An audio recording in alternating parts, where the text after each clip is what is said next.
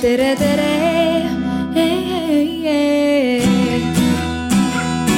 Eestimaa.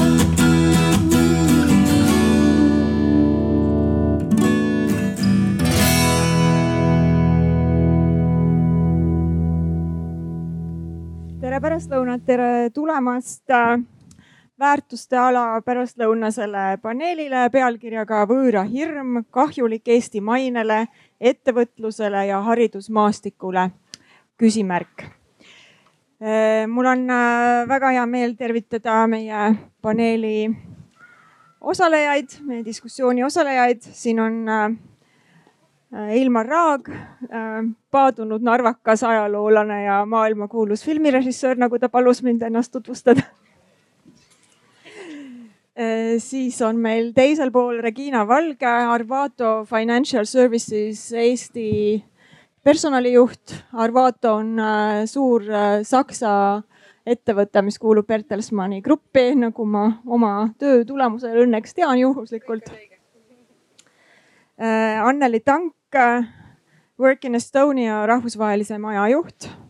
Work in Estonia siis aitab tuua välismaa spetsialiste Eestisse tööle ja Eero Loonurm, Archimedese sihtasutuse välisturundusjuht.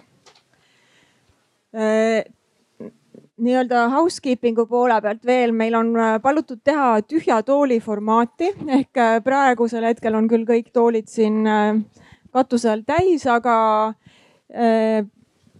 debati lõpuosas võime siia lisada ühe tühja tooli, kuhu keegi publiku seast võib ennast istutada, kes tahaks debati või teemal kaasa rääkida ja omab ka ise siis ekspertiisi ja kogemusi selles valdkonnas. aga igal juhul on küsimused, kommentaarid vägagi teretulnud ka kogu pooleteise tunni jooksul ja Iiris ulatab mikrofoni, kui keegi tahab midagi küsida ja siis ma võib-olla tutvustan ennast ka hetkeks, et ei, kindlasti ei tunne mind, ma olen Maris Elrand, ma olen vabakutseline ajakirjanik ja olen viimased kümme aastat tegelenud iseenda arvates Eesti mainega.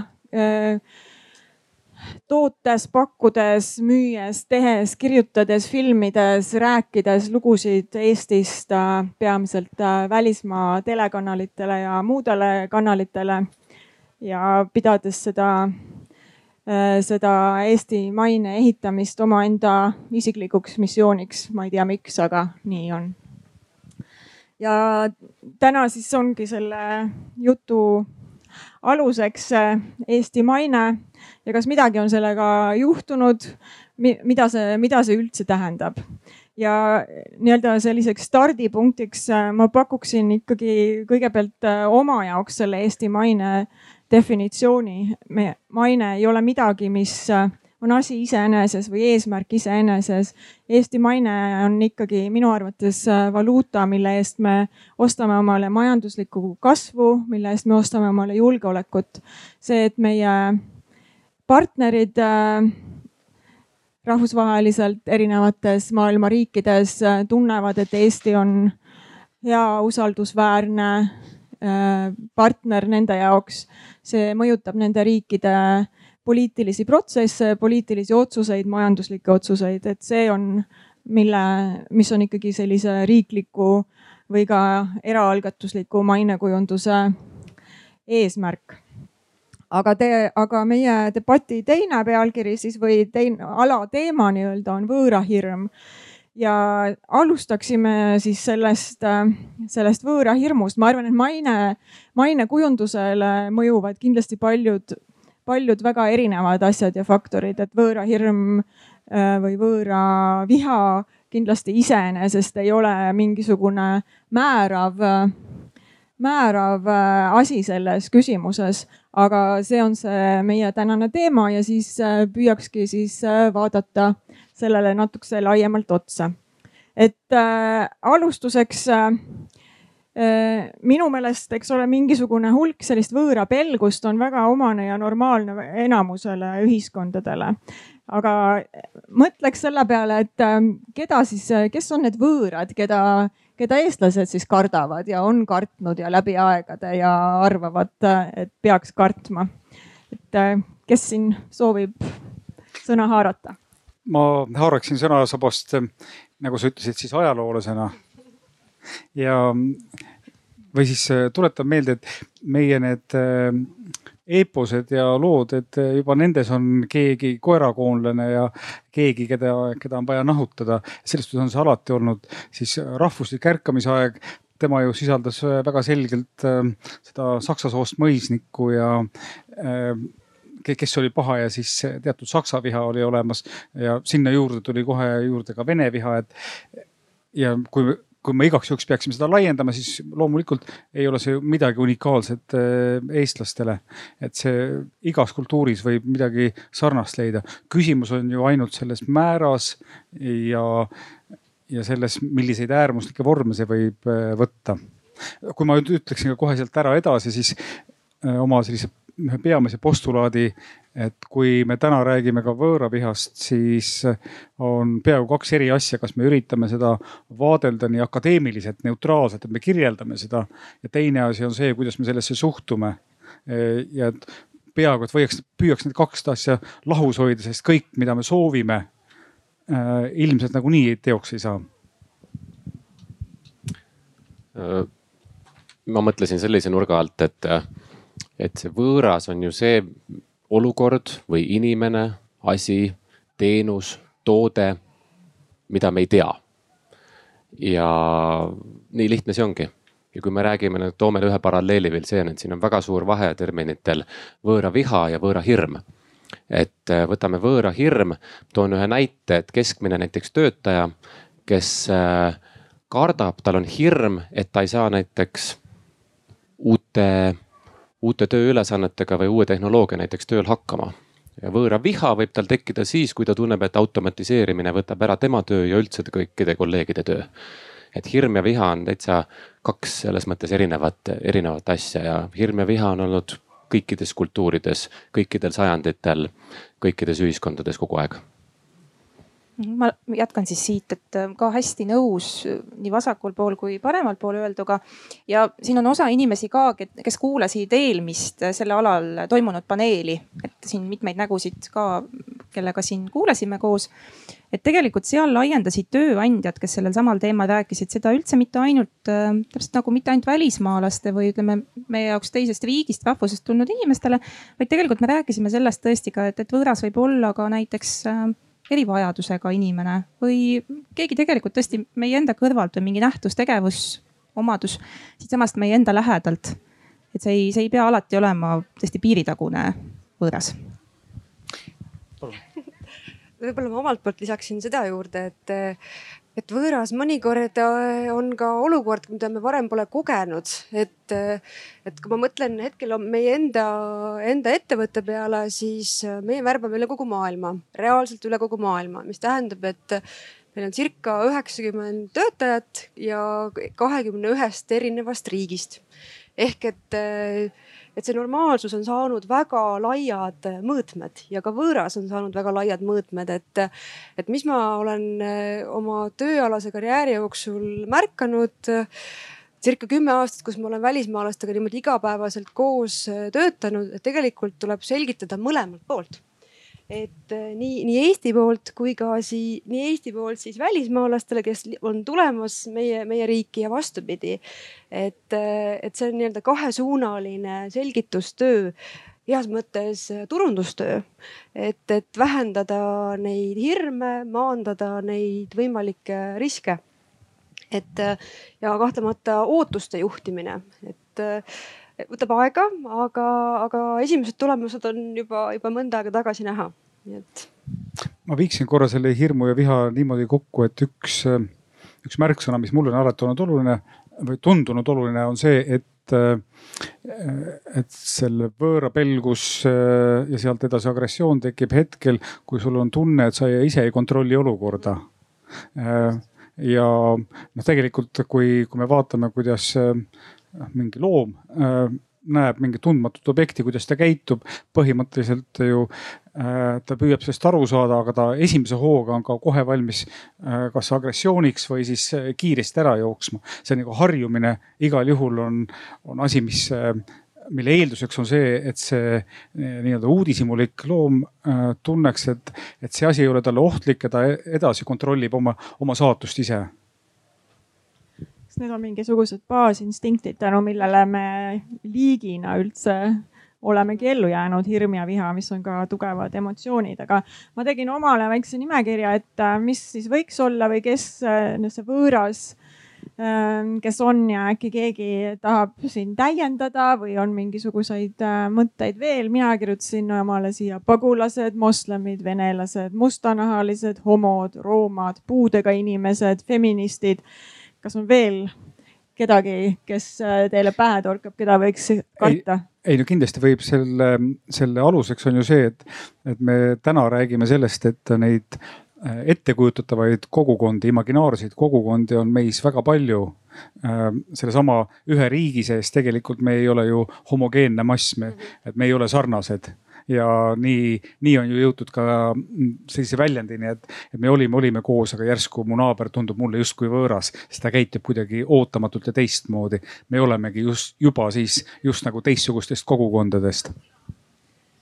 aga siis, äh, siit edasi liikuda äh, ja kuidas seda, kuidas seda võõrahirmu olemasolu ikkagi nagu tõestada, et see on praegu noh, mingi selline tunnetuslik tunnetuslik asi, aga milles see siis väljendub?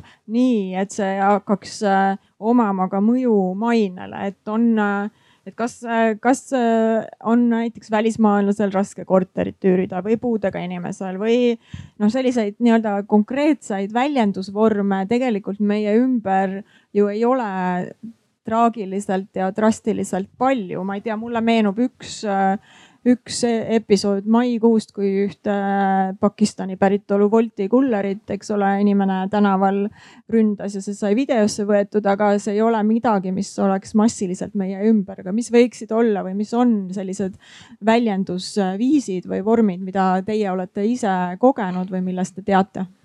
mina jõuan nagu niikuinii ma siin järgneva tunni jooksul ma jõuan meedia rollini ja ma, mul on näiteid siin, ma loen mõned ette pärast ka aga ühe näitena võib-olla, kui paljud teist vaatasid sellist saadet nagu Roaldi nädal äh, Kanal kahes. ja tal oli iga nädal erinevad teemad ja ükskord oli tal teemaks välismaalased Eestis. ja siis ühena näitena oli tal äh, integreeritud tehnoloogia õppekava, vilistlane Bangladeshist poiss, poiss jah, poiss võõrustas teda siis ühikas, tegi seal Roaldile süüa, arutasid, rääkisid. Äh, ta töötab ABB-s, mis on üks vingemaid inseneeriaettevõtteid, rahvusvahelisi ettevõtteid Eestis, seal on väga palju välismaalasi tööl. ja siis küsib Roald talt, et kuule, et miks sa ühikas elad? sul on kraad on käes, sa saad väga kõrget palka, eks ju, sa oled tippettevõttes tööl, sa oled ise motiveeritud, et sul see töökoht oleks. siis ta ütleb, et noh, et ma ei tea, et mul on kuusteist korda juba ei öeldud. ja siis mõtled korraks, et umbes, et tegelikult üle keskmise nagu riskivaba potentsiaalne üüriline sulle. et tal on töökoht, tal on elamisluba, mis sõltub töökohast. kui tal enam tööd ei ole, ta peab riigist lahkuma ta on igatpidi motiveeritud, heade tulemustega, kraad on juba käes, eks ju. ja kuusteist korda on ei saanud, noh, me võime sada korda siin mõelda, et mis see põhjus oli, miks ta selle ei sai, eks ju, et noh, et tõenäoliselt on see tema päritolu. aga lihtsalt üks selline näide, mis, mis seda näitas nagu teleekraan, aga selliseid näiteid võib nagu väga palju veel olla. aga noh, siin on üks näide lihtsalt sellest ühest Aasia päritolu inimesest, aga igatpidi võõras inimene üht, üht, ühte või teistpidi, et on et mõtleme ise, kui me annaksime korteri kellelegi üürile, üürile et kui palju mõtteid meil peast läbi käib, et kellele me selle anname. mis on need põhjused, kellele me oleme kunagi ise näiteks, kui on selline olukord olnud, mis on see põhjus olnud, miks me ise oleme ei öelnud. et ähm, jah, aga üks, üks selline markantne näide, et võite isegi kunagi, ma ei tea, kas seda järelvaatamisest näeb, aga selle saate saab ka järele vaadata, et see oli väga huvitav lõik ma võin täitsa seda sama teemat jätkata ja öelda, et äh, mul on endal konkreetne kogemus, mul on üks üürikorter, kus elab sees India pere ja maakler oli väga selline, nad on Indiast, et te ikkagi teate, et nad, need, nad keedavad teistsugust sööki ja see võib lõhnata teistmoodi. ehk et noh, mind see ei takistanud, aga võib-olla mõnda teist äh, üürileandjat oleks takistanud selline sissejuhatus jah, selles mõttes, et kuna minu töölaual on tegelikult alates esimesest hetkest, kui Äh, uus meeskonnaliige ütleb, et jah, ma olen Eestisse tulemas, äh, kõik, kõik need isiklikud mured ka, et leida, leida üürikorter, leida pereisale või pereemale uus sobiv töö, lapsele lasteaed või kool ja, ja perearst et eh, võib-olla see üürikorteri mure on tegelikult eh, üllatavalt akuutne isegi. ja mis, mis ma olen märganud, et eh, kus, kus tekib esimene selline takistus, ongi see, et sageli ei taheta rääkida inglise keeles et seda vältimiseks oleme ise tegelikult meie niimoodi läinud, et, et me oleme juures et me lihtsalt nii-öelda oleme ühenduslüli äh, siis meie uue töötaja ja üürileandja vahel ja, ja selgitame, et, et mis nüüd toimuma hakkab, äh, kelle poole pöörduda ehk et aitame ka vähendada seda riski äh, mõlemapoolselt. et see on, see on töötanud. ma jah, et ma siit kohe haagin edasi äh, sinu jutu peale. et äh, tõesti, see ka näiteks see perearsti leidmise teema, ettevõtted selles osas on tõesti ise ülitublid, et nad käivad kaasas, nende enda inimesed käivad kaasas ja aitavad tõlkida, sest ega tegelikult see pelgus on ju siin kahepoolne sellesama perearsti näite puhul, et me oleme ise suhelnud aktiivselt äh, perearstidega erinevates keskustes just lihtsalt arsti teemast siin rääkides ja, ja tegelikult see pelgus on mõlemapoolne, sest et näiteks meditsiinist rääkides no ma ei räägi sellest, et, et osta poest piim või juust, kui sa seal ostad emma-kumma asja, siis noh, tõenäosusega sinuga väga midagi ei juhtu. aga ravivead, mis näiteks möödarääkimisest, mõlemad pooled võivad tegelikult inglise keelt väga kenasti rääkida, aga näiteks eksivad terminiga. ja, ja tegelikult see möödarääkimine on seal kerge tulema, ehk siis ettevõtjad tegelikult siin oma inimeste juures on, on ülitublid ja alati abis käivad, aitavad ja tegelikult ega ka kolleegid, teised kolleegid, et siin mitmel ettevõttel on näiteks näidata sellised nii-öelda äh, sõbraprogrammid või, või aita kolleegi programmid, et, äh, et see olukord ei ole nii hull, aga seal on, äh, on terve rida küll oma, oma kitsaskohti, aga sellist abivalmidust ja üksteise aitamist tegelikult on väga palju, just et võtta mõlemal poolel seda esmakohtumise pelgust maha no,. sa palusid tuua konkreetseid näiteid, mis meil on olnud, aga meil oli ses suhtes massiliselt äh, näiteid kaks tuhat viisteist, kui Eesti äh, siis poliitilisel tasandil otsustas, et ta võtab vastu äh, käputäie neid kvoodipõgenikke, keda lõpuks ei saabunud siia nii palju, kui esialgu oldi vastu, valmis vastu võtma. number on kakssada kuus saabunud ja, aktuaalselt, viiesaja kaheksakümnest lubatust ja. jah, ja, ja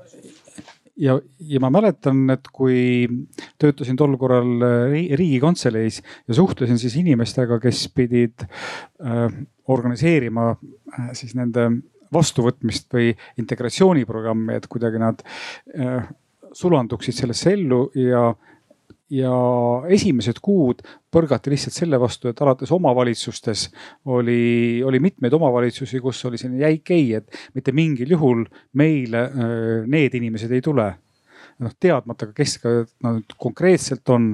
igal juhul, kuna nad on teistsugused, nad on ilmselt sellise vägivaldse konflikti taustaga, kust nad parajasti tulevad, nad võivad kuidas teab käituda, nad on teisest religioonist, teist nahavärvi igal juhul vastati ei ja, ja seejärel omamoodi need äh, omavalitsused, kes kõige esimesena vastasid ja, nende puhul osutati kohe näpuga, et see põhjus ei tulenenud mitte ligimise armastusest või humanismist või inimõigustest, vaid puhtast, puhtast pragmaatikast. sellepärast, et äh, nende kvoodipõgenikega tuli kaasa ka teatud hulgal raha, mis, mida see omavalitsus sai kasutada.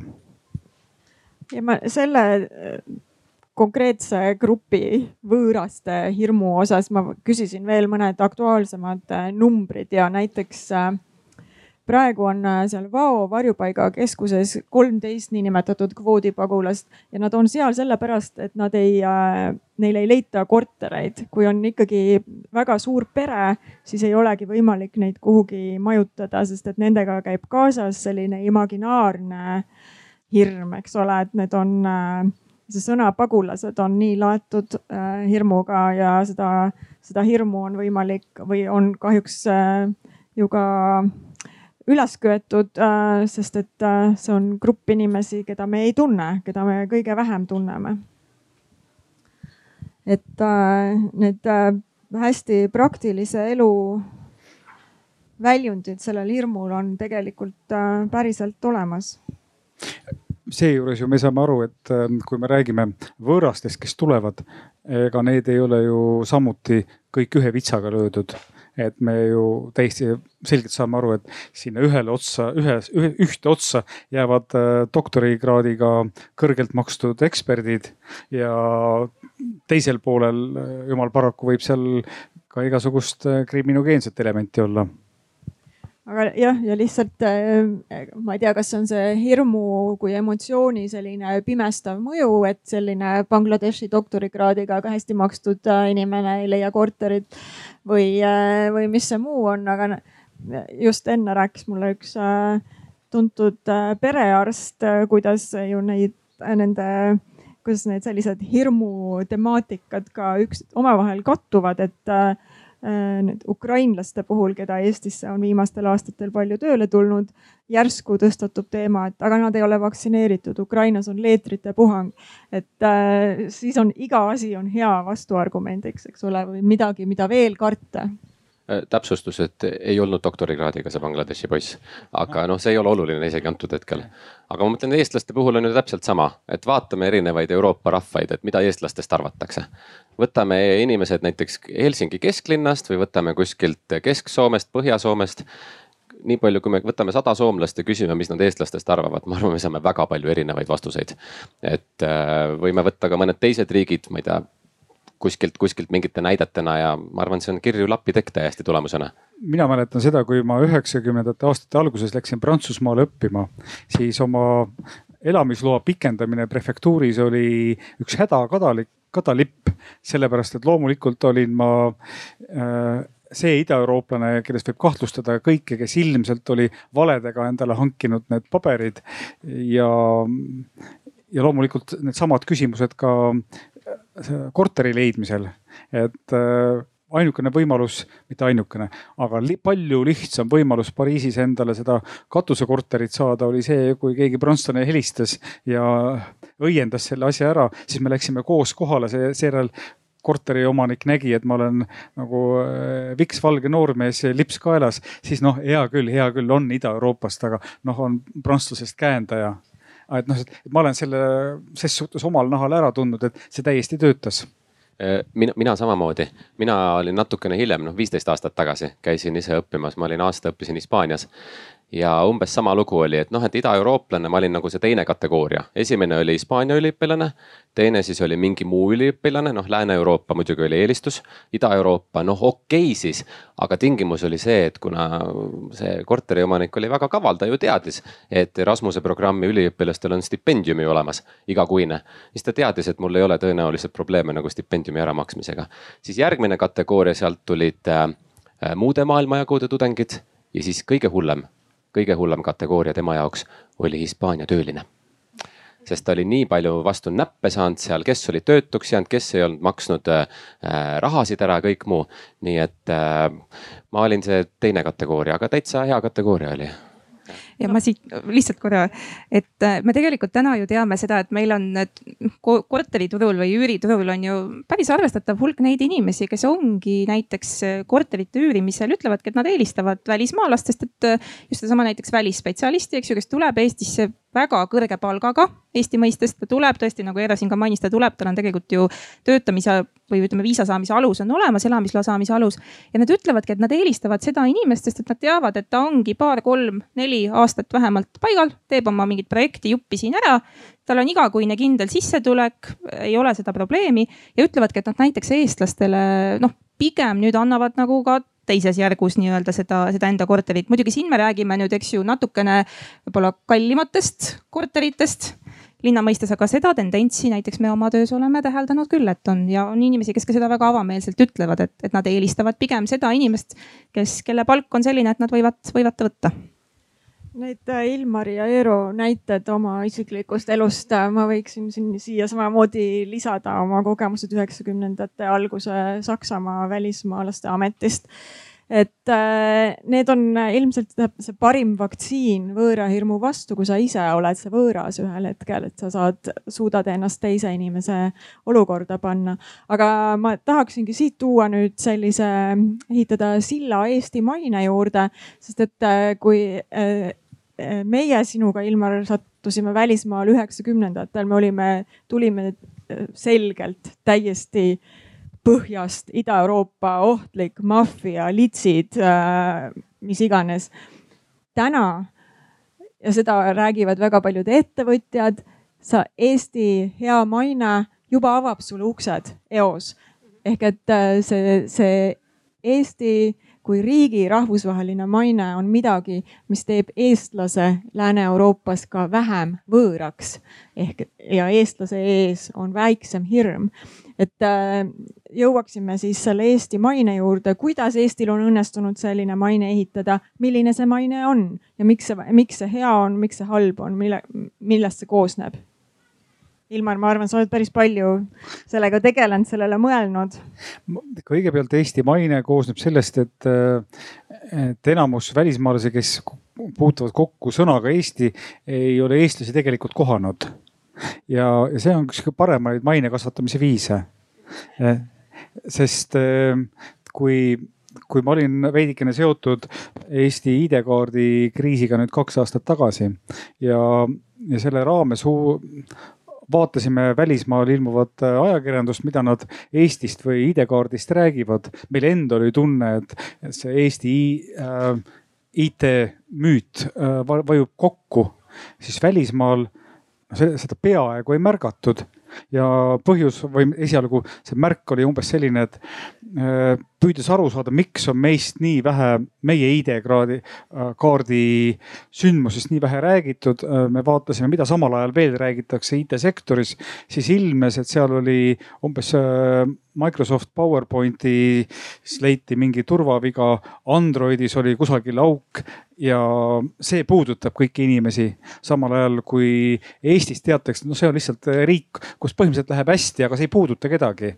ja seetõttu nagu see maine töötab paremini või et mis, mis digiallkiri, digiallkirjastamisel mingid probleemid, nad neid ei kõnetanud see teema, nad ei saanud päris hästi aru, eks ju. et maine osas, et mis see maine on, et maine on see, et mida sinust räägitakse, kui sind ei ole toas. ja nii ongi, et äh, niimoodi ausalt ja avameelselt, aga sind enda, ennast juures ei ole. mina võin vaadata seda hariduse mätta otsast, et Archimedes koos ülikoolidega me oleme roppu moodi vaeva näinud viimase kaheteist aasta jooksul.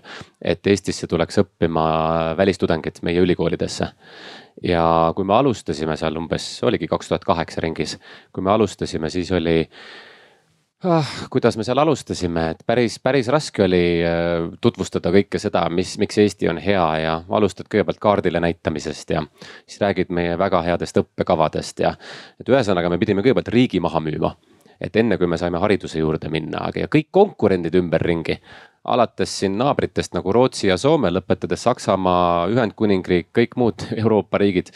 Äh, neil ei olnud seda küsimust britid lõid oma Union Jacki laua peale ja rahu majas ja siis hakkasid rääkima, noh, et college of this, institute of that ja meie pidime kõigepealt pikka-pikka hoovõttu tegema. ütleme niimoodi, et kui konkurendid kõrval said teha lendstardi, siis noh, meil oli paigal start niimoodi korrektselt, eks ju. ja meil läks väga palju aega ja siis tasapisi hakkas tekkima, et me ei saanud ka sõita kogu aeg selle Skype'i jutu peale. et äh, me saime nagu tasapisi iga aasta hakkas tekkima mingisuguseid muid riiklikke initsiatiive, mille najal, mida saime kasutada ka nii-öelda turundusargumentidena. alates siis e-residentsusest, lõpetades e-valimistega me olime kunagi, muide, me olime kunagi pressivabaduses, me olime top kolmes maailmas. nüüd oleme vist ühe, kümnes, üheteistkümnes. aga et kõiki argumente, mis vähegi võimalik oli, mis oli hästi, me kasutasime nii, mis jaksas. et ähm, ja nüüd, nüüd on muidugi neid argumente kõvasti rohkem, aga kümme aastat tagasi oli täiesti teine olukord. no ma haagin siit töötamisega kohe juurde, et ähm, Work in Estonia meeskond, mille liige mina olen ja mille osa ka rahvusvaheline maja on, siis meie astume õppimisest sammu edasi, ehk siis tegelemegi tegelikult nende samade välis tippspetsialistide Eestisse meelitamisega. nüüd siin on oluline lihtsalt öelda seda, et meie ei värba. meie meeskond ei käi ise otsimas mööda lennujaama saabujate halli, et kas nüüd keegi tahaks tulla, ei taha tulla, et me oleme riigi poolt loodud instrument, aitamaks ettevõtetel, kelles, kelle käed jäävad lühikeseks selle välistippspetsialisti, selle tipparendaja, tippinseneri otsimisel, keda ta Eestist pole suutnud leida et ähm, aitame teha ettevõtetele või ütleme siis riigi just sedasama nii-öelda mainekampaaniat, et tutvustada Eestit kui võimalikku töö sihtkohta välisspetsialistide hulgas. ja tegelikult haagin siit Eero ka selles mõttes, et meie oma töös kasutame täpselt sama palju just kõiki tegelikult neid, neid teisi initsiatiive, on need õppimisega seotud. me ise kuulume EAS-i all ühte üksusesse välisinvesteeringute osaga Invest in Estonia programmiga. see kõik käib käsikäes, ehk siis kui kusagilt midagi hakkab väga kõvasti mõranema, murenema, tõsiselt kõvasti niimoodi, et, seda on näha juba Eestis kõvasti ja jõuab siis ta ka välismaale lainetusena. see mõjutab, aga, aga tõesti selles mõttes Ilmari jutt on õige, et välismaa või noh, nagu siin ka Eero mainis, et meie digiallkirja kriis, no tõesti välismaal ei ole, inimesed ei tea, mis asi see digiallkiri on. et kui me räägime siin sellest näiteks, et noh, maksude deklareerimine on põhiline asi, mida me siin ju kõik teame, mis, mis välismaalasi ju pahviks lööb ja kui sa räägid, äh, et kuuskümmend kolm sekundit läks minul sellel aastal telefonist aega, et teha see tehing ära või toiming ära ja, ja meil, eks ju, sisse tulnud Silicon Valley'st, seal neli aastat töötanud inimene ütles, et ta pidi nädal aega võtma, noh viis tööpäeva vabaks töölt, et joosta, otsida, teha neid asju. et äh, need argumendid müüvad endiselt, meile tundub see nii argipäevane, aga see, see on endiselt vau-faktoriga värk. aga nüüd ma tulen siit, vabandust, ma võib-olla hüppasin ma korraks võtaks jah sõnajärje üle, et mina tahan öelda, et äh, Eero töö kannab vilja. tõepoolest, äh, välismaalased on väga kenasti leidnud Eesti läbi magistriõpe, doktoriõpe, nii et äh, ma ütleksin, et circa kakskümmend viis protsenti on meil inimesi meie ettevõttes tööl, kes on magistrikraadi omandanud Eestis või omandavad teist magistrikraadi siis Eesti ülikoolides ja Eesti ülikoolide tase on väga hea. Lisaks äh, tõesti Work in Estonia programm, et, et väga sageli nad ütlevad, ja ma olen juba seda lehekülge vaadanud äh, ja ka meie suuname omakorda neid tagasi just, et, et on ka rahvusvaheline maja. et, et selles mõttes see on väga hea võimalus saada Äh, siis uuel inimesel, kes avastab uue elukoha, uue töökoha maailma teises otsas ka sellist erapooletut pilku.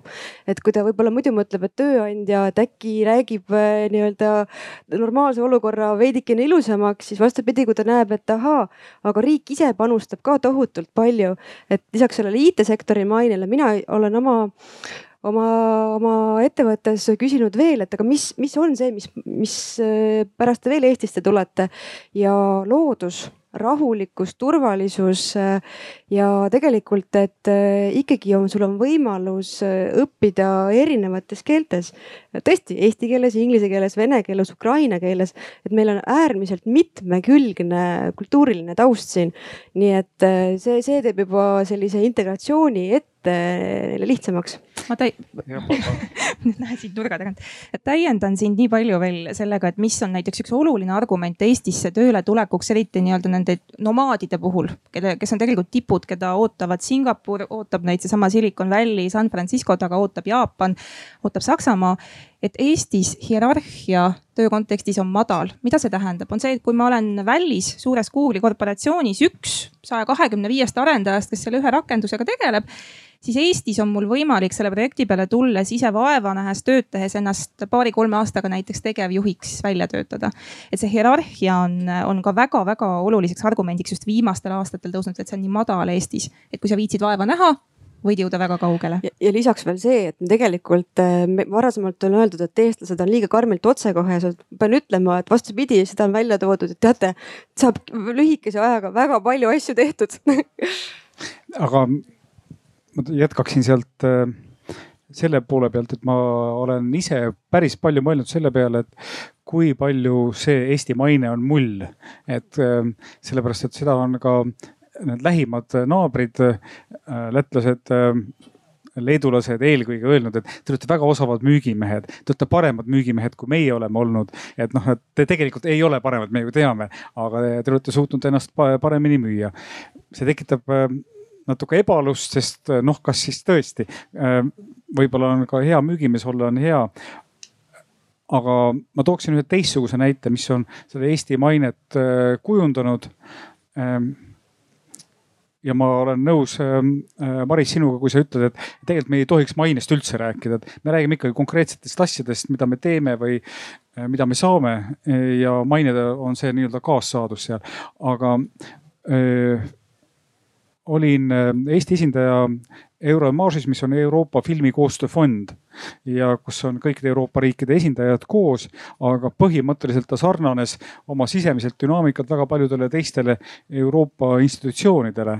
ja mingil hetkel oli seal, äh, ka seal kujunes välja niimoodi, et, et Eesti võttis äh, nii ühte plokki Põhjamaade või siis äh, põhjapoolse Euroopaga Hollandi, Belgia, Saksamaa ja nii edasi.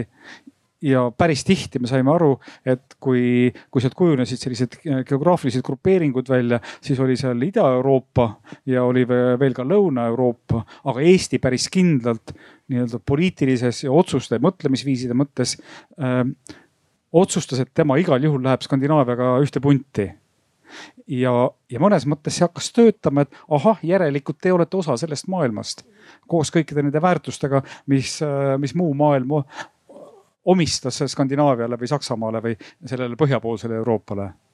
Ja vot see on nagu ka see koht, kus ma praegu mõtlen, et ahahaa, et me oleme siis nüüd nagu liikumas äh, sinna teisele poole, kus me hulk aega ei olnud ja mis, mida sellises laiemas rahvusvahelises poliitikamaailmas vaadati nagu kergemalt niimoodi nagu äh, umbes kolm aastat tagasi kohtusin ühe Ameerika sõjaväelasega, kes tuli Pentagonist ja, ja tema rääkis Eestisse tulles, et noh, et noh, siin Eestis on nagu kõik niivõrd lihtne, et, et kui meil Washingtonis tuleb juttu sellest, kuidas meie liitlased Euroopas on, siis et Eestist libisetakse kiiresti üle, sellepärast et siin on kõik korras.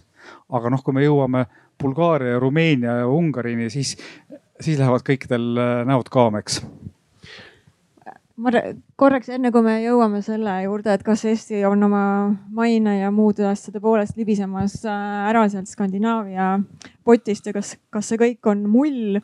Äh, see paar märkust selle, äh, see ID-kaardi kriis, ma töötasin sel hetkel olin laenuks andnud ennast Eesti riigile, töötasin eesistumise juures ja see oli, äh, toimub vahetult enne esimest suurt digitippkohtumist ja nii edasi ja me olime kõik ka väga mures selle üle ja ma rääkisin väga paljude välismaa ajakirjanikega ja tegelikult äh, üks aspekt, mis seal rolli mängis, oli, et aga mis te siis arvasite, see ongi normaalne, et, et IT-ga on mingi jama ja turvarisk, see ongi normaalne, nende jaoks ei olnud see mingi ootamatu kriis.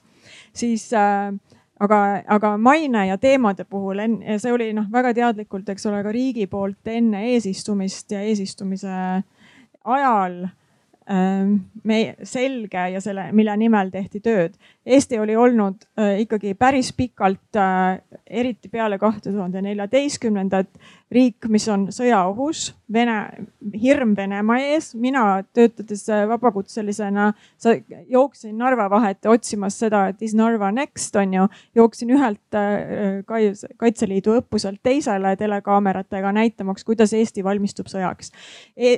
Eesti riik otsustas, et me ei taha olla selle ühe teema riik.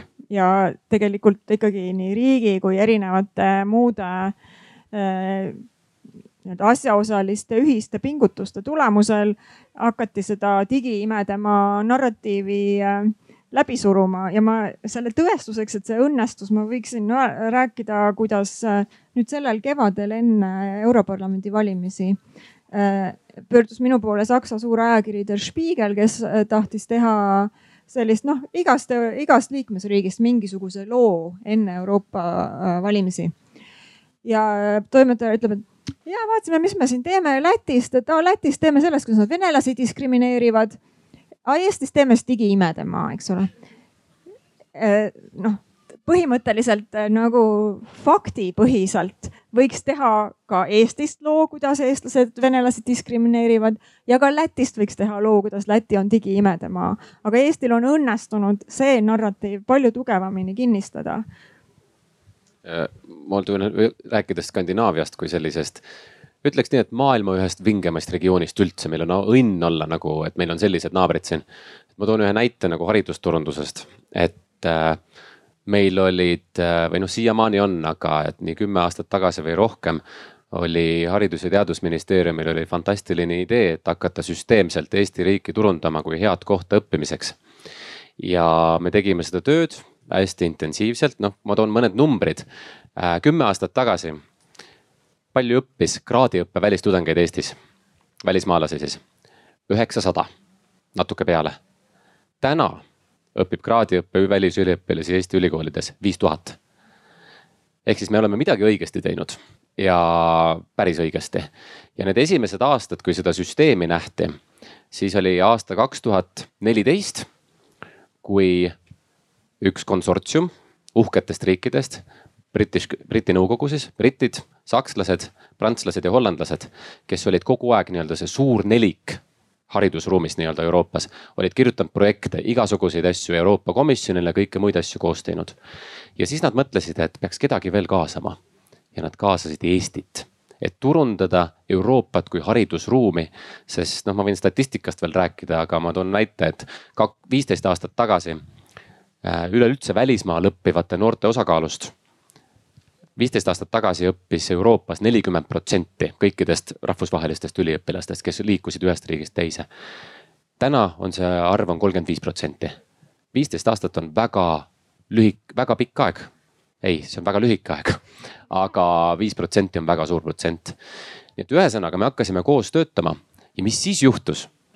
siis tuli see tore, vaata sihuke tore sõna nagu kadedus ja siis avastasid rootslased ja norrakad ja taanlased, et, et mis asja, eestlased kaasati Euroopat turundama või? mis mõttes? ja neil oli üks elitaarne aastas kord on üks sihuke kohtumispaik, mis on siis nii-öelda study in Norway, study in Sweden ja kõik need Skandinaavia omad, Island ka ja Soome ka, viiekesi. Nad said alati kokku ja arutasid maailma kõige olulisemaid asju, sihuke elitaarne grupp. ja tänu sellele Euroopa projektile kaasati ka meid sinna elitaarsesse gruppi sest kadedus oli nii suur ja nad tahtsid teada, et mis asja me teeme seal ja räägime. ja sellel aastal me võõrustasime siis seda Põhjamaade või seda elitaarsete äh, riigi haridusturundajate äh, töögruppi võõrustasime Eestis. nii et meie oleme nagu eriti või sees, et me oleme Balti grupis kellega me saame kokku, me oleme Põhjamaade grupis ja me veel oleme Euroopa grupis ka. aga just see maine, et Skandinaaviaga koostöö saamine on hästi raske. aga meil vedas, sest see tuli hoopis teist teed pidi, kui me oskasime oodata Regina, kas see, see nii niisugune ühiselt ehitatud hea, hea maine tuleb sinule sinu oma töös kasuks, sina pead värbama inimesi, meelitama neid siia tööle, kas konkreetselt see aitab sind? Kui ma mõtlen oma töö peale, siis äh, circa viisteist intervjuud nädalas ja, ja ma arvan, et ühtegi intervjuud ei möödu niimoodi, kus esimese viie minuti jooksul mainitakse, et ega, et Eesti, see on ju Euroopa Silicon Valley. nii et äh, see, see töö on väga hästi juba ette ära tehtud ähm, võib-olla mõnikord, mis on, on välja toodud, et, et selline murekoht on tegelikult mitte nii isegi see korter saab selle lahendatud, saab perearsti ka lahendatud, aga, aga lisaks sinna juurde eestlaste tõsidus ehk et, et selle, selle lahendamiseks me oleme omalt poolt ka välja pakkunud, et alati on võimalus rääkida samast riigist pärit äh, inimesega. et kellel on see isiklik kogemus juba läbi tehtud.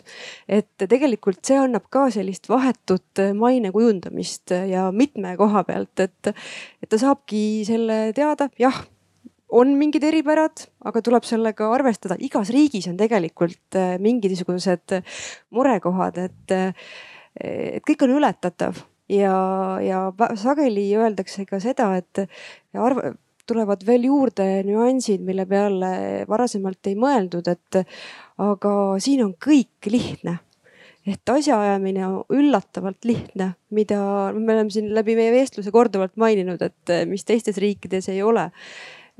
seda muidugi tublil eestlasel on seda raske uskuda. jah, kindlasti. igapäevaselt ma ka teinekord unustan ära, et see on nii lihtne. ja, et see on nii lihtne, aga, aga mis ma olen äh, läbi selle ka avastanud, et niimoodi väga külg külje kõrvalt äh, töötades äh, erinevast kultuuriruumist inimestega, et tegelikult sa avastad ka ise oma riigi võlusid.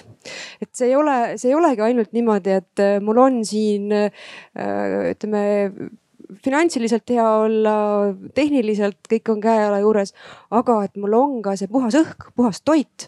et ma arvan, et lisaks kõikidele nendele asjadele, mis me oleme juba rääkinud, võiks sinna maine, maine aspektidena seda hakata veelgi rohkem äh, tooma juurde.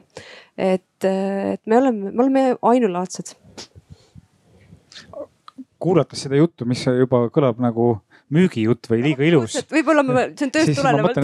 me võiks, võiksime kõrvale panna, noh, võib-olla kutsuda mõne soomlase siia, kes räägib sedasama juttu ja mis puutub loodusesse, kindlasti soomlastel on vähemalt sama argument. absoluutselt aga, aga noh, nii see ongi, et tegelikult igaüks peab leidma endale selle sobiva koha.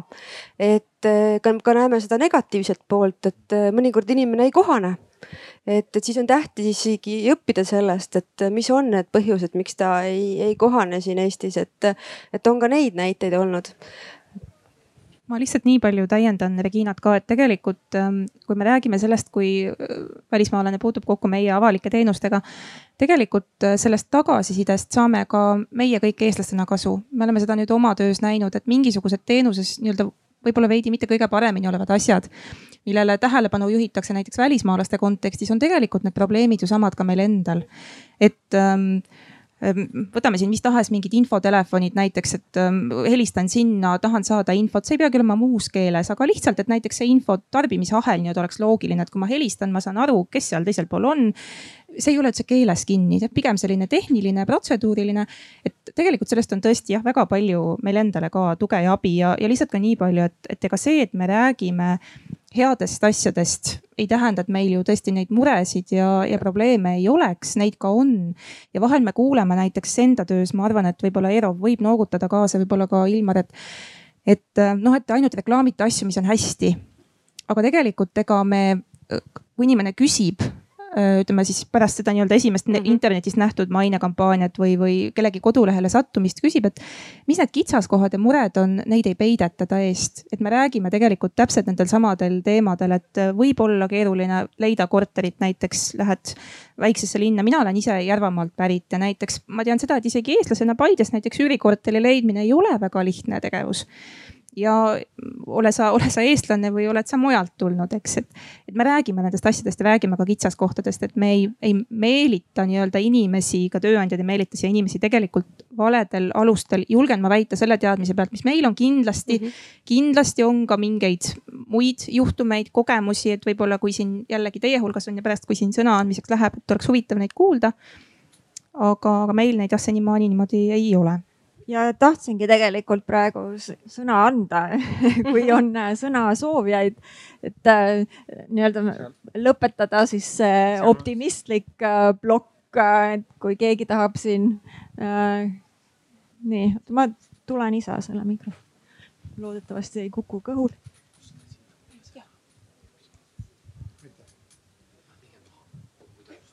Margus Reemets ja ma tahaksin tuua teile vahelduseks ühe konkreetse näite.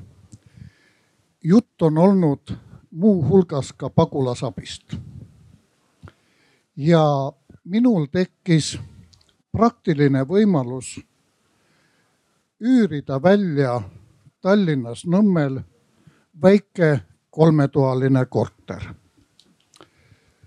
pagulasabi soovitas mulle üks sõber, et kuule, et sa jamad?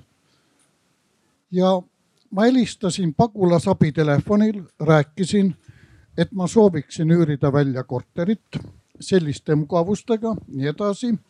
ja pagulasabil, ma ei tea, kas oli mingi õnnistus, ütles oi, tähendab, ma juhtisin tähelepanu sellele, et see perekond või üksikisik peab jääma ikkagi Eestisse et ta ei ole mitte läbisõidul ja meil on täiesti olemas. teate, Araabia perekond kolme lapsega. me elavad juba viis aastat siin, äh, pärit äh, Põhja-Jeemenist. Nad olid pagulaslaagris, kuivõrd äh, lõuna siis marksistliku hoiakuga Jeemen oli nende koduküla purustanud. Nad viibisid pagulaslaagris kuidagimoodi tehti neile selgeks, et on olemas selline Põhja-Euroopa riik. ja nemad tulid siia ausalt öeldes, mees ütles mulle, nad tulid sooviga saada Saksamaale edasi. sellepärast, et nende külast paar venda olid läinud, paar inimest olid läinud Saksamaale ja seal oleks olnud nagu omad inimesed ees. ja öö, ma kohtusin nende inimestega. mees rääkis vabalt inglise keelt, mõistis eesti keelt ja töötas ühes hotellis. noh, ta ise nimetas receptionist tähendab, tema oli siis valvelauas ja jagas siis võtmeid ja andis inimestele täitmiseks kaarte. ja naine oli kolme lapsega kodune põhiline on see, et need kolm last, pooleaastane, kolmeaastane ja viieaastane, olid kõik poisid. nii et nagu, kuidas ma nüüd ütlen, võib-olla poolnaljaga, et sellel perekonnal nagu purka oht puudus, sest abielunaine on avatud ja poisid ju purkat ei kanna. ja nad olid töökad, nad olid kõik väga kenad ja nad ütlesid, et äh, nüüd on selline asi, et vaata, meie tuleme, kuna nad elasid Lasnamäel korteris, mis tuli vabastada hiljemalt esimesel septembril. Äh, et meie tuleme siis Nõmme sotsiaali alla. et me peame tulema ennast ära möllima või märkima ja nii edasi et kui me tuleme vaatama ja meile sobib, et kas me võime siis ka sotsiaali minna. ma ütlesin ja loomulikult. ja kuna tegemist on äh, majaga, kus on veel kaks omanikku, äh, siis ma teatasin viisakusest, et äh, ma üürin oma korteri välja araabia perekonnale, väga korralikud inimesed, räägivad inglise keelt, mees pursib eesti keelt ja muidugi räägivad araabia keelt, aga naine on pisikeste lastega kodune, mis võib-olla araabia maailmas ongi tavaline. ja siis ma teatasin, et äh, kas te olete nõus, ütleme neljapäeval kell viis kodus olema. siis teatati, üks korter teatas oi, neljapäeval ei ole meid üldse, me ei tule isegi ööbima. see oli kolme lapsega perekond. teine korter teatas, et äh, ma olen tööl kell viis. ma ütlesin, et ma tean, sa tuled poole kuue paiku, et nad ootavad ära. ei, ei, ei, ei, ma ei tule mitte mingil juhul. nii. ja siis ma ütlesin nendele araablastele, et teate et teil saab keeruline olema. ja araablased ütlesid, et, et võib-olla sinul on konflikt naaberkorteritega. ma ütlesin, et see on tekkimas. aga et, et kui me ise tuleme ja räägime, et äkki on võimalik, et me ei ole mingid, ma ei oska öelda, noh, neandertaallased või midagi sellist ja siis, kui ma kirjutasin, et nad siiski sooviksid tulla, olge kenad. ja siis äh, Nõmme linnaosa valitsusest tuli juba teade. kuidas, kes tulevad? Lasnamäelt, araablased äh,. Nõmme linnaosa valitsuse sotsiaalhoolekande ametnik kas te naabritega olete rääkinud? ma ütlesin, et olen küll jah. mis nemad ütlesid? ma ütlesin, noh, et esialgu on nagu lahendamisel. no vot, lahendage naabritega ära ja vaevalt te seda kunagi suudate lahendada. no ja lõppkokkuvõte on siis selline, et äh, ma ei oska teile öelda me peaksime endale näkku vaatama, üks asi ja teine asi. me peaksime nagu eraldama inimesi. on teatud poliitilisi erakondi, kes hoiatavad meid pagulasmasside eest. ei, me võtame väga mõõdukal arvul pagulasi ja nendega toimuvad eelvestlused. ja see hüsteeria peab kuidagi taanduma, sest minule lõppotsus oli naaberkorterist. Margus, sa pead kiiremas korras pöörduma psühhiaatri poole kas ma saan õigesti aru sellest loost siis, et see pere ikkagi teie korterisse kolida ei saanud?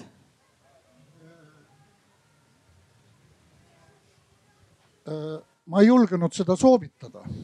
aga seal viimaste meilivahetuste hulgas oli ka see, kui nad said aru, et sihukesest hoiakust, sellisest hoiakust võib tulla pahandus, siis nad teatasid mulle, et tegelikult me ei ole pagulaste vastu, aga me oleme selle vastu, et sina nendega tegeled. ja siis sellelt sellele vastas naaberkorter, et äh, Margus, sa pead jah pöörduma psühhiaatri suur aitäh seda lugu jagamast, väga värvikas äh, seik ja väga. see on äh, kaks nädalat tagasi lõppenud lugu. see, ähm, see on see klassikaline, see nii-öelda inglise keeles on see NIMBY, see not in my backyard, et pagulased on täiesti okei okay aga et noh, et mitte siin minu lähedal ja mitte see, et meie vana hea sõber, et aga muidu psühhiaatri juures käisite ka või? et. aegu ei saa nii kiiresti. siit äh, ekspertpaneel, ma arvan, annab teile puhtad paberid aga. liiga kergekäeliselt, mul ei ole kakskümmend neli tundi kuulata aga eks me siis äh, peamegi, ma arvan, pöörduma selle oma debati äh, viimase osa juurde ja tooma siis ikkagi selle Eesti hea maine, võõraviha ja kõik need teemad uuesti kokku ja küsima endalt ja teilt, kas äh, Eesti hea maine on kuhugi pöördumas, kas me oleme pöördumas ära sealt Skandinaavia joonelt ja kas see, kas see kõik omab mingisugust mõju meie igapäevasele elule, meie majandusele, meie julgeolekule ja nii edasi. Ja üleminekuks äh, täna hommiku Postimehest lugesin, kuidas meie rahandusminister ütles, et Eesti peab ikkagi äh, looma tingimusi, et meelitada siia siis äh, ajutiselt tippspetsialiste välismaalt aga paraku selle rahandusministriga käib kaasas ja jääb käima kaasas tema lause, kui on must, näita ust, mis ei lähe mitte kuhugi ära, mitte kunagi. et äh, kas üldse on võimalik äh, neid kahte asja ühendada ja mis on siin ohud ja kas, kas need on üldse teemad, mis on omavahel seotud? ma tahaksin oma ühe vägeva näite ära tuua ikkagi, mis ma ette valmistasin. räägime meedia rollist räägime meedia rollist, äh, meedia kui neljas võim, siis äh, kui võimsad on nende tööriistad, millises olukorras nad täna on. ja mul on üks näide ühest uudisest, mis siis äh, kogus rohkem kui sada kommentaari ma ei ütle väljaannet, te leiate need väga lihtsalt ülesse kõik, kui kuskil otsimootoritest toksite et äh, uudise pealkiri ja siis ühesõnaga üks väljaanne, üks suurematest kolmest suuremast lehest, eks ju, üle saja kommentaari kerib selline uudis. nii, ja ma annan nüüd neli varianti, mis te arvate, et mis selle uudise pealkiri siis on? nii, variant üks, kõlakas. Tallinna Tehnikaülikooli tudeng ägestus ja ründas õppejõudu. nii, see on variant üks. variant kaks, kõlakas. Tallinna Tehnikaülikooli välistudeng ägestus ja ründas välisõppejõudu variant kolm, kõlakas. Tallinna Tehnikaülikooli tudeng ägestus ja ründas välisõppejõudu. ja variant neli, kõlakas. Tallinna Tehnikaülikooli välistudeng ägestus ja ründas õppejõudu. noh, kuna ma rõhuasetuse praegu mängisin nii, nagu ma mängisin, siis neljas variant on õige variant jah, või kõik ja kui me natukene loeme edasi, ühesõnaga väga paljudel inimestel ei ole ju aega pealkirjadest kaugemale lugeda, eks ju et kui me natuke edasi loeme, siis tuleb välja, et kuidas läinud nädala reedel olla üks välistudeng ägestunud ja läinud kallale välisõppejõule, mistõttu kutsuti politsei. ehk siis jutt käib sellest, et on välistudeng ja välisõppejõud, aga millegipärast on vaja kruttida ja moonutada seda ja panna selline pealkiri, et jääb mulje, jah, me räägime muljest, me räägime mainest, et kuidas välistudeng on see, ägestub ja ründab õppejõudu. et ühte asja me täpsustame, et see on välistudeng, aga seda, et eh, seda teist poolt, seda ei ole vaja täpsustada, et see oli välisõppejõud juhuslikult ja noh, selliseid lugusid leiab kogu aeg ja igasugustes valdkondades, noh, see oli nüüd hariduse näide, eks ju. aga et kui ma vaatan, et mis roll on meedial, et kui lihtne on mingisuguseid asju moonutada, võimendada.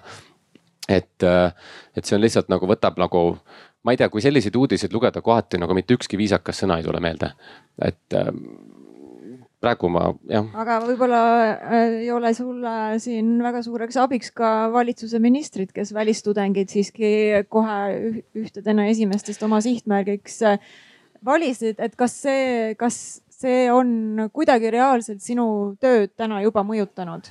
ei, täna ei ole mõjutanud, et ütleme niimoodi, et meil on huvitavaid ja värvikaid valitsusi olnud alates üheksakümne esimesest aastast saadik et äh, neid on hästi erinevaid, erinevad maailmavaated, erinevad poliitikad, erinevad rõhuasetused. aga alati on seal taga, on ju meedia ja ajakirjandus ja nende käes on nii palju, mida nad soovivad võimendada ja mida mitte. ja antud hetkel, kui on valitud tõesti see kõlakas, on tõesti valitud üheks suureks uudiseks, siis äh, olgem palun korrektsed, eks ju, et, et äh, siis oleks nagu aus mäng aga noh, seda ausat mängu, et ongi, et ja kujutame nüüd ette, et ongi väga palju inimesi, eh, kes Eestis näiteks loevad ajalehti, lappavadki ainult pealkirju läbi ja kui nad näevad sellist pealkirja, siis näevad nagu mingisugust järgmist pealkirja ja siis järgmist ja järgmist, siis moondub, koondubki see pilt ilma et oleks ise ühtegi välistudengit kunagi näinud, võib-olla välistöötajat isegi ei ole kunagi näinud. aga moonutubki pilt, et aga kui ajaleht räägib, kindlasti teil on ka sugulasi või tuttavaid või sõpru või kolleege töö juures, kes ütlevad, aga ajalehes oli ju kirjas. aga raadios ju ma kuulsin. noh mis sa siis teed, eks ju, et ähm, ajalehti või.... levinud müüt on, eks ole, et äh, need äh, Mustamäel ringi käivad mustanahalised äh, välistudengid on tegelikult salaja riiki toodud pagulased, et kuidas, kuidas te sellega toimetate? meie ülikoolide kvaliteedilävend on väga heal tipptasemel, ma ütleks, noh natuke liiasus oli praegu, et ühesõnaga, see on tipptasemel. et avalduste arv on mitmekordselt üle võrreldes sellega, keda Eesti ülikoolid suudavad üldse vastu võtta. Meil on Eesti ülikoolides tudengeid on saja kahekümne viiest riigist need diplomid ja see tunnustamine käib siis läbi akadeemilise tunnustamise keskuse, ka sealt filtrist käivad nad läbi. see esimene filter on veel üldse saatkond, enne kui nad, eks ju, viisaga saavad Eestisse tulla. seal on nii palju filtreid ja et on inimesi, kes kujutavad ette, et Eesti ongi see nii-öelda tõeline äh, taevariik, kuhu kõik maailma inimesed tahavad kokku tulla. see ei ole nii et ma olen üldse õnnelik, nagu ma mäletan vanasti siin umbes üheksa, kümme, seitse aastat tagasi, noh praegu olen ka. iga inimene, kes leiab Eesti ülesse ja noh, olgem ausad, vahet ei ole, kas ta on töötaja või ta on üliõpilane või, või mis iganes valdkonnas Eestile inimese, kes on Eesti üles leidnud, see on tõeline fantastika. see on tõeline noh, Hiina ime tahaks praegu öelda ja Eesti hea maine on, eks ole, siin ukseavaja või esimene redelipulk, mis aitab seda sammu teha et äh, kas, äh, kas on täna oht, et me Eesti mainega on hakatud äh, veidi ettevaatamatult ümber käima ja just nimelt selles valguses, et kui on mustnaid taust, välistudengid on tegelikult hoopis varjatud pagulased. kas ne-, kuidas, kuidas see, kuidas see must, tumedanahaline välistudeng ennast tunneb selles, selles kontekstis? Ma, ma ei ole kindel, et me täna võime väga selgeid jooni tõmmata, kuivõrd äh, esiteks me, me näeme, et see, mis Eestis toimub, see on väga suurel määral ka peegeldus sellest, mis toimub äh, mujal Euroopas ja äh, noh, nüüd me väga ei eristu, aga me, me igal juhul läheme sinna samma äh, nagu murelike teadete lahtrisse. aga sealt edasi, eks see eks see on ju väga kompleksne areng. kaks tuhat viisteist, äh, kui siis me esimest korda Eestis nägime seda, et poliitilisel debatil või ilmusid märgid, kus te, mitte lihtsalt ei räägitud, aga jõuti tegudeni, mis olid selgelt kantud võõra hirmust, siis siis arutati just nimelt kommunikatsiooni poole pealt, et kas on võimalik siis nüüd inimestele natuke enam sallivust õpetada. aga vastus on ju see, et ega, ega see meedia või kommunikatsioon seda üksi ei aita. see, see saab kasvada ainult läbi positiivse kogemuse või, või elu või. et noh, tegelikult sisuliselt on see, et, et äh, ainukene võimalus, kuidas see normaliseerub, on see, et, et siia neid äh, mõistlikke talente ja üliõpilasi satub ja nendega ollakse koos ja, ja selle läbi selle tekib arusaamine, et, et, et on küll selliseid võimalik leida. ja täpselt samamoodi, eks äh, eks seda mõjutab ka laiem areng Euroopas, sellepärast et me vaatame äh, meie avaliku arvamuse küsitlustest, kuidas äh, noh, niipea kui äh, toimusid terrorirünnakud Lääne-Euroopas, kohe teatavad näitajad ka Eesti küsitlustes tõusid ülesse. mina, ma jätkaks siit võib-olla siis vastates ka Marise võib-olla alguses püstitatud küsimusele, mida me siin natuke enne ka paneeli algust rääkisime et täna tegelikult meil ei ole statistikat, millele tugineda, parandage nüüd mind, keegi võib anda kohe märku, kui ma eksin, aga meie valdkonnas ei ole täna statistikat, mis tõendaks, et et mõningad väljaütlemised mõjutavad täna näiteks Eestisse tulevate investeeringute mahtu või et seal oleks mingeid anomaaliaid näiteks, et et kas on suuremad või, või veel suuremad investeeringud Eestisse tulemas ja tegelikult ka töötajad, kellega siin, kui me oleme tööandjatega suhelnud ja ka oma töös me näeme, me ei näe praegu seda, et, et seda, mida keegi on kusagil öelnud, on ta siis mis tahes ametikoha peal, et see praegu meid mõjutaks. tõsi on see, see võib käia mingi lainena, lainetusena, see võib tulla hiljem, me ei tea. aga, aga ma arvan, et siin on oluline praegu öelda seda, et, et need on need ähm, faktid praegu numbriliselt ei ole mõjusid meil mingit tavapäratut mõju kuidagi tunda olnud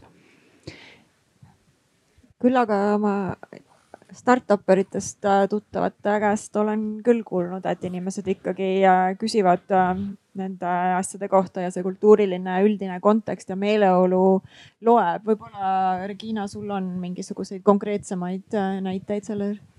jah, selles mõttes, et me sageli tegelikult lähtume sellest eestikeelsest meediast, mis, mille ruumis meie liigume, aga me unustame ära, et välismaalastel on väga tugev kogukonnatunne ja ma, ma ei ole kindel, kui palju on tegelikult nii-öelda sinna infiltreeritud ja, ja selgeks tehtud, et mis meeleolud selles valdkonnas toimuvad. et neid küsimusi on. me oleme ka selgitanud võib-olla, miks selline väljaütlemine on olnud ja mis seal taga on olnud, et kui see, see taust on lahti räägitud, et siis on mõistetud, et see hirm on kadunud. aga ma näen küll, et et pigem peaks ka rohkem hakkama teadlikult tegema siis tööd äh, selle kogukonnaga, kes on juba Eestisse tulnud, sest äh, nemad on nii-öelda heas mõttes Eesti saadikud edasi. Et, äh, et nende sõna loeb, et kui tema ütleb, et mina ikkagi tunnen tänaval, et mul on siin kas siis hea või mitte nii hea, siis ta usaldab seda sõpra, mitte, mitte seda meediat nii et see on koht, kus ma näen, kus riik ja, ja meie siis kodanikena peaksime rohkem hakkama tegema tööd ma olen hästi nõus, et ma ei tahtnudki üldse enne väita seda, et ei oleks küsimusi. ma toon teile näite, kui näiteks oli valimiste aeg, äh, ka vahetult pärast valimisi, ka meile tuli nii Facebooki vahendusel kui ka meili peale tuli küsimusi, et, et mis te arvate sellest praegu tekkida võivast koalitsioonist, kui me saime teada, et kes, kes koalitsiooni moodustama hakkavad. ja me ütlesime ka tollel hetkel, et me ju keegi ei ole hiromandid, me, me ei näe ette, eks. et, ähm, et sellist, ma ütleks ka, et sellist, ütleme suurt hirmu, ma siis võib-olla täiendan oma nagu eelmist mõttekäiku, et sellist mingisugust suurt hirmu või tõesti numbriliselt toetavat statistikat meil täna ei ole. aga tõesti neid, neid küsimusi on ja ma lihtsalt tahan ka rõhutada võib-olla siin selle ära, et on vahe kas äh, öeldakse anonüümselt kommentaariumis või tuleb see nimeliselt mõnest asutusest. see, see, selles on vahe ja ma arvan, seda me kõik teadvustame mina, mina näen nagu selles osas, et nagu meie ja nagu ülikoolide tööpõld on ikkagi metsikult lai. no näiteks, eks ju, et võib-olla, et ongi, et nagu, et kõik algab nagu selle avalikkuse harimisest ja siis on ja siis ka nagu meedia rollist, aga no näiteks, eks ju, et kui me räägime nagu konkreetselt sellest õppijast, noh, kümme aastat tagasi oli magistrantide ja doktorantide osakaal kokku kõikidest välisüliõpilastest kakskümmend viis protsenti. täna on neid üle poole mis tähendab, et siia tuleb aina targem ja aina kvaliteetsem äh, noor inimene õppima, eks ju. siis akadeemiline pool, noh, ongi, et võib-olla kõiki inimesi nagu ei kõnetagi see akadeemiline pool, et kui ma räägin terminitest nagu rahvusvahelistumine kodus ja mobiilsus ja nagu, et. et kui sul on üliõpilased nagu erinevatest regioonidest, kes on sul auditooriumis ja. aga kui me räägime rahast, et no ma panen praegu puusalt, täiesti tuimalt ma panen puusalt praegu, et me üritame seda arvutada, kui muide, kui kodutöö, et kui keegi nagu tahab mind aidata, et öelge mulle ja nõustage siin, et, et me tahame välja arvutada mingisugusel hetkel mitmed riigid on seda teinud, et jah, akadeemiline pool on väga oluline, aga aga kui me võtame kõik nii-öelda nagu rahalises mõttes kõik need kulud, mida välistudeng teeb Eestis olles et praegu käib ka nagu arutelu selle ümber, et kas me peaksime õppemakse rohkem kehtestama välistudengitele või mitte ja nii edasi. aga räägime kuludest, siis ma panen puusalt, et keskmiselt üks välistudeng kulutab eluaseme peale söögi-joogi peale, noh nädalavahetusel võib-olla näiteks käib, ma ei tea, Soomaal või, või Saaremaal sõpradega teeb midagi muud, käib kuskil väljas, kõik muud sellised asjad. keskmiselt ta kulutab ühes kuus umbes viissada eurot nagu ma ütlesin, kraadiõpe, ma räägin ainult kraadiõppest praegu, kraadiõppes on viis tuhat. ehk siis ma panen täiesti lihtsa labase arvutuse, et ühes kuus jätavad välistudengid Eesti majandusse kaks ja pool miljonit eurot et äh, aga noh, meil ei ole, mul ei ole hetkel fakte, et see, kui keegi Eero kuskil ütleb midagi, et noh, see ei ole nagu väga usaldusväärne. aga ma tahaksin mingi hetk nagu, me peame, ühesõnaga meie töö on veel nii palju teha, et näidata igakülgselt, kui palju on kasu tegelikult välistudengitest. jah, nad on teistmoodi, algul nad on võõrad. aga kõik ütlevad, isegi jõustruktuurid ütlevad, et õpiränne on kõige ohutum ränne üldse et ähm, siin on ühesõnaga, meil on väga palju tööd veel teha, et rääkida headest asjadest jah, ma eh, nüüd seda kuulates ma sain aru, et, et me peamiselt räägime sellest, kuidas eh, ootame investeeringuid ja raha Eestisse, me saame aru, et see tuleb koos eh, inimestega, aga need inimesed on võõrad ja me, oht on siis see, et me kardame neid võõraid. siin tekib küsimus, et mis on see Eesti see peamine müügiargument, sest kui me mõtleme näiteks Ameerika Ühendriikide peale, kus rassirahutused ja äh, nii-öelda rassilistest konfliktidest põhjustatud kuriteod on jätkuvalt aktuaalsed, hoolimata kuu viiskümmend aastat tagasi toimunud eh, inimõiguste muu liikumisest eh, ja siis need orjade vabastamisest veel sada viiskümmend aastat tagasi. et justkui nagu peaks korras olema, ei ole, et noh, see kõik on alles. Läheme Euroopasse, me näeme taolisi rassi või rahvuse konflikte igal pool jätkuvalt, aga äh, raha koos inimestega liigub jätkuvalt Ameerikasse, liigub jätkuvalt Saksamaale. aga mul on tunne, et me ei saa samu argumente kasutada, et noh, Ameerika ütleb seda, et meil on lihtsalt nii palju teistsuguseid inimesi ka ja meie turg on nii suur, et tule, ole nende hulgas, kes on mõistlikud ja too see raha ikkagi siia. Eesti puhul võib-olla see ainukene võimalus on see, et me alustame sellest, et, et me näitame kui palju või kes on need mõistlikud inimesed, kellega nad saavad siin sõbrad olla, et nad ikkagi tuleksid? ja vajaduses ei ole põhjust kahelda, sest Eesti on kõige kiiremini vananeva elanikkonnaga riik Euroopas ja Euroopa ise on juba väga kiiresti vananeva elanikkonnaga riik, et äh, pääsu meil sellest kuidagi ei ole. et kardame me kui ta, palju tahes. ma olen ise kogenud kuidagi omal nahal, et äh, võib-olla selline hästi lihtne samm, et eh, noh, kuidas inimesel tänavalt on võimalik eh, ikkagi kohata mingisugust eh, professorit või tipp-IT-spetsialisti. küll aga inimene tänavalt võib kohata seda Uberi autojuhti või Go-Marketi kassapidajat, kes on natuke tõmmuma nahaga ja väga hästi veel eesti keelt ei oska. et mida rohkem me erinevaid inimesi oma sellises igapäevas enda ümber näeme, seda vähem meil on põhjust neid äh, karta. ja ma lihtsalt täiendaks nii palju, et, et olles tõesti nii ka välis, räägime siis nendest välistippspetsialistidest, räägime tudengitest, räägime kellest tahes, kelle keel pole eesti keel need inimesed väga ootavad seda, et me prooviks nendega kasvõi tere ja head aega rääkida eesti keeles. me kõik teame seda, et ilmselt tee eestlaste südamesse käib keele kaudu, eesti keele kaudu kõige rohkem. ma arvan, siin päris mitmed võiks tõsta käe ja öelda, et kui on keegi teine tulnud teile öelnud tere ja kuidas sul läheb eesti keeles ja sa tead, et ta päritolu ei, ei ole siitmaalt, siis natuke selline soe tunne kuhugi sisse poeb. et ähm, kõige, lihtsalt korra hüpates nagu selle, ütleme, kuidas teha mõlemale poolele seda mõnusamaks, seda, seda siinolekut on, mida me oleme ka palju rääkinud, on ikkagi keel on selline hea atribuut, vahend ja, ja julgustame, ärme ise räägi tööalaselt, ma, ma ei kutsu üles töökeskkondi kuidagi, kelle töökeskkonnad on inglisekeelsed või, või muus keeles oma keelt kuidagi vahetama, aga räägime seda rohkem, seda kiiremini kohanevad need inimesed siin kes, kes on tulnud siia tööle, elama, õppima, mis, mis iganes muud pidi nad ootavad seda keeles rääkimist, isegi kui nad alguses tõesti ei oskagi mitte midagi rääkida, see on kõige lihtsam vahend, oleme meie vähemalt oma töös näinud, ükskõik kui vähe või kui palju sa oskad. ma viskaksin siia veel ühe palli õhku, mida ma ei oska maha lüüa. ja see on see, et kui, kui tundub, et paratamatult välismaalasi tuleb Eestisse rohkem ja tuleb siia ka erinevaid, siis paratamatult me jõuame sellisesse olukorda, kuhu, kust tulevad need kuriteod, kus kurjategijateks on, on need võõrad. ja küsimus on ju alati selles, et kuidas me hindame kasu ja kahju ja kuidas me sel hetkel suudame seda tekitatud kahju niimoodi, niimoodi juhtida, et, et see karikas ei veereks üle ääre nendele, kes on süütud aga äkki enne seda, kui me siin otsad kokku tõmbame, on äh, kellelgi äh, tahtmist äh, täita korra veel seda tühja tooli, kas pikema sõnavõtuga või küsimusega või kommentaariga publiku seast härra Margus. nii, Margusel on veel mõtteid? mul on selline mõte.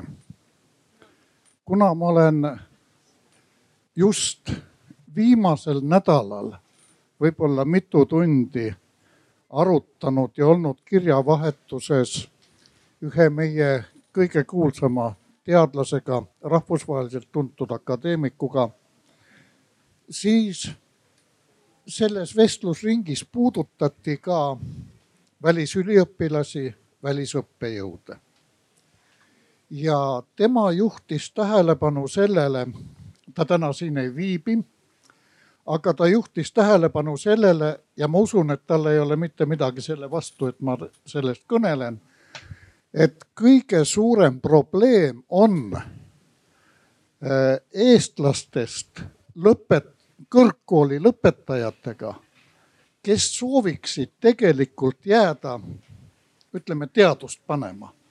Nad sooviksid äh, jääda tööle ülikooli laborisse kuskile teaduskonda assistendina, ta, nende ole, palk oleks vist noorem teaduslik töötaja. ja nendel tekib päris võimatu majanduslik olukord, juhul kui nad ei saa lisaks loengutunde.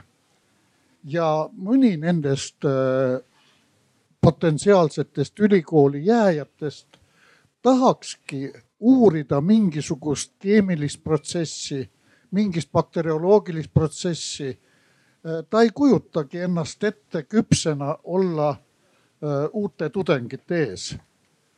ja vot kui sellise olukorra lahendada, nagu see püstitati, et kuidas hoida meie üliõpilaste õpetajaid. vot see oli üks niisugune asi kuidas hoida paremini? aitäh, see vist päris see... nüüd meile võõra hirmu teemasse. aga noh, ma võin kõnetada, see on väga. võõrõppejõud, ah. kes on võõrõppejõud, ta rõhutas seda, et just, et meil on võõrteadlasi, sest omad ei taha jääda see on, see on jälle üks hästi suur lapitekk, mis algab sellest, et millisena meie neid inimesi vastu võtame. siis tekib sellest, et võib-olla mõnes õppeasutuses võib olla ringkaitse. näiteks on probleeme olnud ju näiteks ka Eesti noortega, kes on ära teinud doktorikraadi välismaal kas ta saab Eesti teaduskonda näiteks tulla lihtsalt tööle või võtab natuke aega, siis on mõni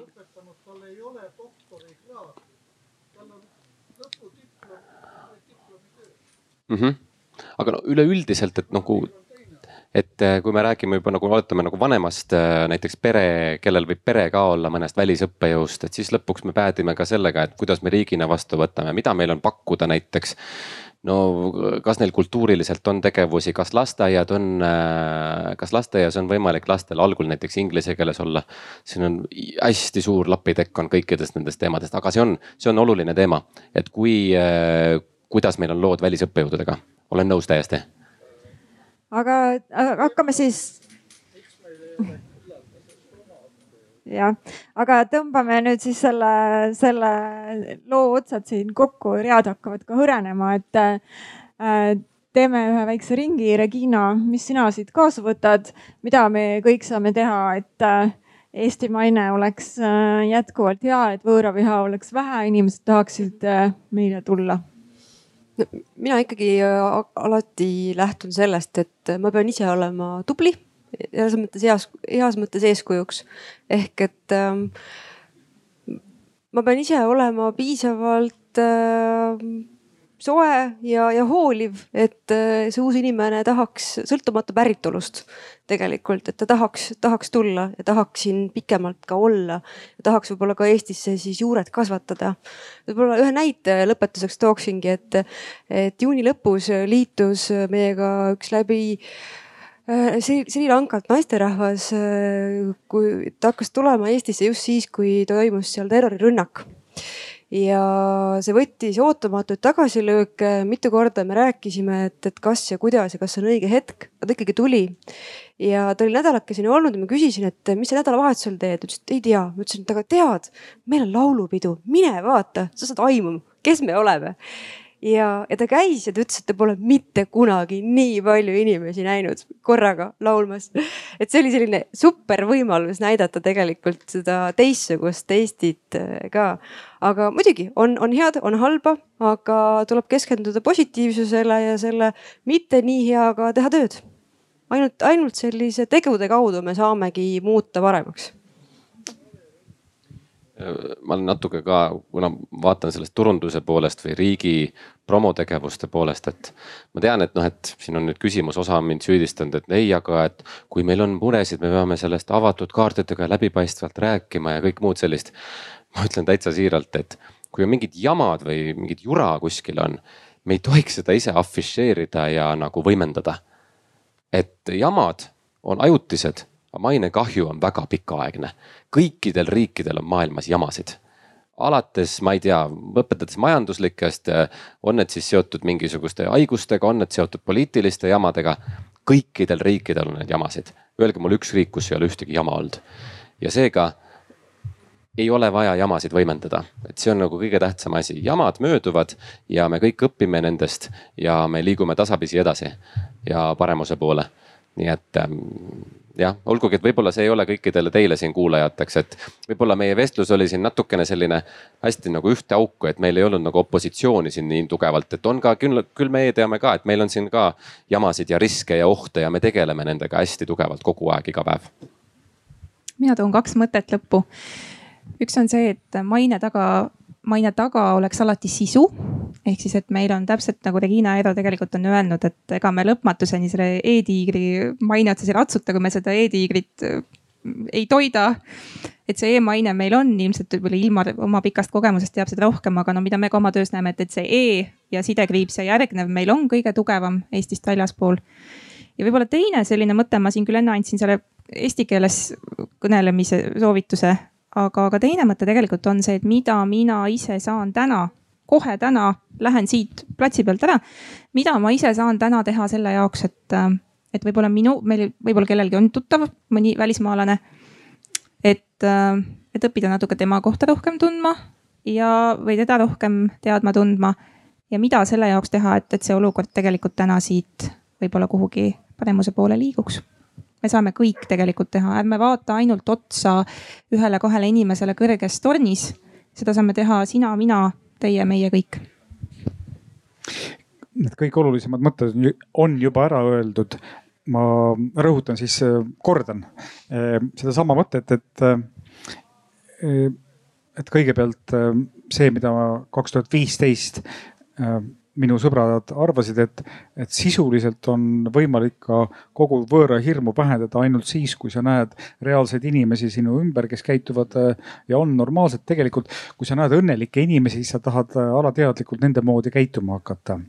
Ehm, ja see on, ma usun, et ma ei suuda kõigile korraga seda õnne maa peale tuua, aga mõnele, mõnele inimesele ikka ja ma usun, et see võib olla nakkav ma tulen tagasi korraks äh, selle teema juurde, et kas me räägime oma probleemidest või mitte. ma kahtlustan, et väga, väga mitmed need probleemid äh, tõusevad ise lendu. pigem on aga, kui me räägime meedianarratiividest, küsimus selles, et kas, kas me jääme ainult ühe tegelase looks. noh, niimoodi kui, kui ma vaatasin mingisugusel hetkel Vene kanaleid, kes väga huvitav enne EKRE võimule tulekut rääkisid nendest kui halbadest poistest, aga nendes lugudes rohkem Eestis poliitikuid ei olnud. kõik oli EKRE ja siis ma tundsin äh, natukene puudutatuna, et minu meelest äh, siin enamus Eesti poliitikuid väljendavad veel mingisuguseid teisi seisukohti ja nemad ei saa sõna. kui me vaatame praegu äh, uue laine konfliktilugusid Eestis, siis küsimus on selles, et kas seal on ainult üks rääkija või me, või nendes lugudes oleks ka mingisuguseid teisi seisukohti, kes piisavalt värvikalt ütleksid, et aga me mõtleme veel teistmoodi, see, see riik ei mõtle ühtemoodi suur aitäh, eks siin ongi see vastutus, mis on meil igalühel eraisikuna, aga meie valitud esindajate vastutus äh, siiski on äh, kraadi võrra kangem ja meie siin kodanikena ja valijatena saame seda mõjutada jällegi paari aasta pärast valimiskastide juures. ma ei äh, tee mingisugust poliitpropagandat siin ühe või teise erakonna poolt või vastu. igal juhul suur aitäh, Regina, Eero, Anneli, Ilmar ja aitäh teile kuulamast, aitäh kaasa rääkimast, Margus. see oli siis äh, väärtuste ala diskussioon võõra hirm ja Eesti maine